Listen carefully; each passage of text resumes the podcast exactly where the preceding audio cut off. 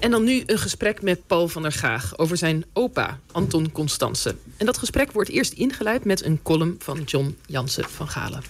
Deze week verscheen het Franse weekblad L'Express in een oplage van een miljoen exemplaren... om ons te waarschuwen tegen de rampen die de mensheid wachten... en die haar voortbestaan bedreigen.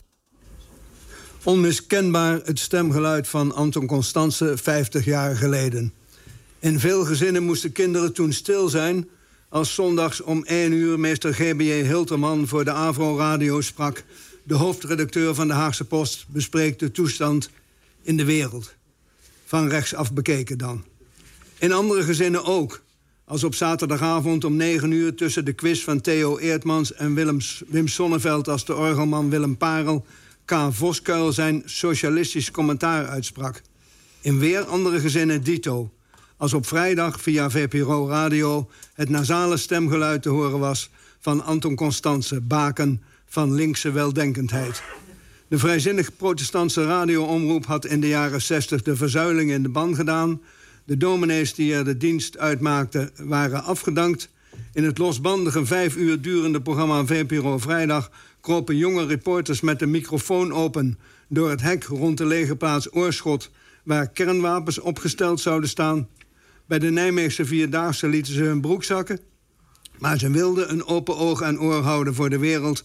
En daarvoor was Anton Constance aangetrokken. Constance was de ideale docent.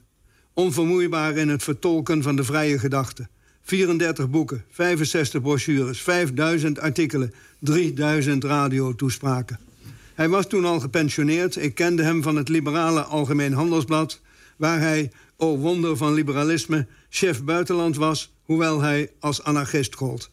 Al had hij het anarchisme van de daad afgezworen... toen hij door zijn ervaring in de Spaanse burgeroorlog besefte... dat het niet was opgewassen tegen het fascisme.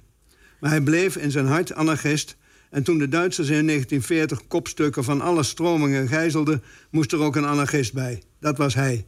Vier jaar concentratiekamp, van Vught tot Boegenwald... jedem das seine. Bij de VPRO beleefde Anton een tweede jeugd. Hij genoot er tussen die vrijgevochten jongelui met volle teugen van. Niet te beroerd om als het zo uitkwam een plaatje van Joe Cocker aan te kondigen. Hij was Hispanoloog en sprak vaak over Latijns-Amerika... tegen het imperialisme en tegen de CIA. Dit met die snijdende stem, CIA. Hij maakte zijn reputatie als vrijdenker, atheïst en voorvechter van seksuele vrijheid ruimschoots waar... al snapte hij maar niet waarom hij van nieuwe feministen zijn geliefde echtgenote Gerda niet als seksobject mocht beschouwen.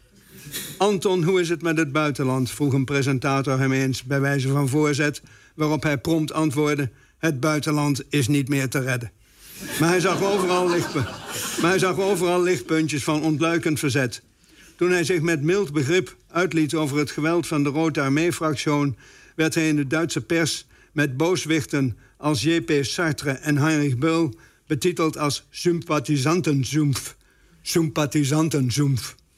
Niet iedereen mocht hem. Jan Kal schetste Anton in een sonnet als boosaardig opaatje...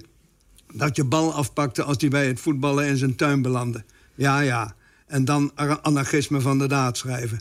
Maar niemand gelooft dat gedicht. Anton was juist uiterst amabel, vaderlijk en beminnelijk. Maar misschien ergerde de dichter zich aan zijn lichtbelerende toon. Het Koningshuis had Antons uiterst kritisch belangstelling. En in 1985 vroeg ik hem daarom, daaraan in de Haagse Post een essay te wijden. Het liet even op zich wachten, waarop de eindredacteur hem maande met een briefje eindigend met de woorden: De deadline nadert met rassenschreden. Het moet hem hebben bereikt op de dag waarop hij stierf. U vraagt zich nu misschien af waarom een column over Constance, icoon van de VPRO, jawel, maar al 40 jaar dood. Wel, de aanleiding is dat zijn kleinzoon Paul van der Gaag vandaag afscheid neemt van deze omroep... en omdat dit programma onder zijn leiding die traditie van vrij en kritisch denken voortzette. En dat is ook wat waard. Wat zeg ik? Dat is veel waard. Dank Anton, dank Paul.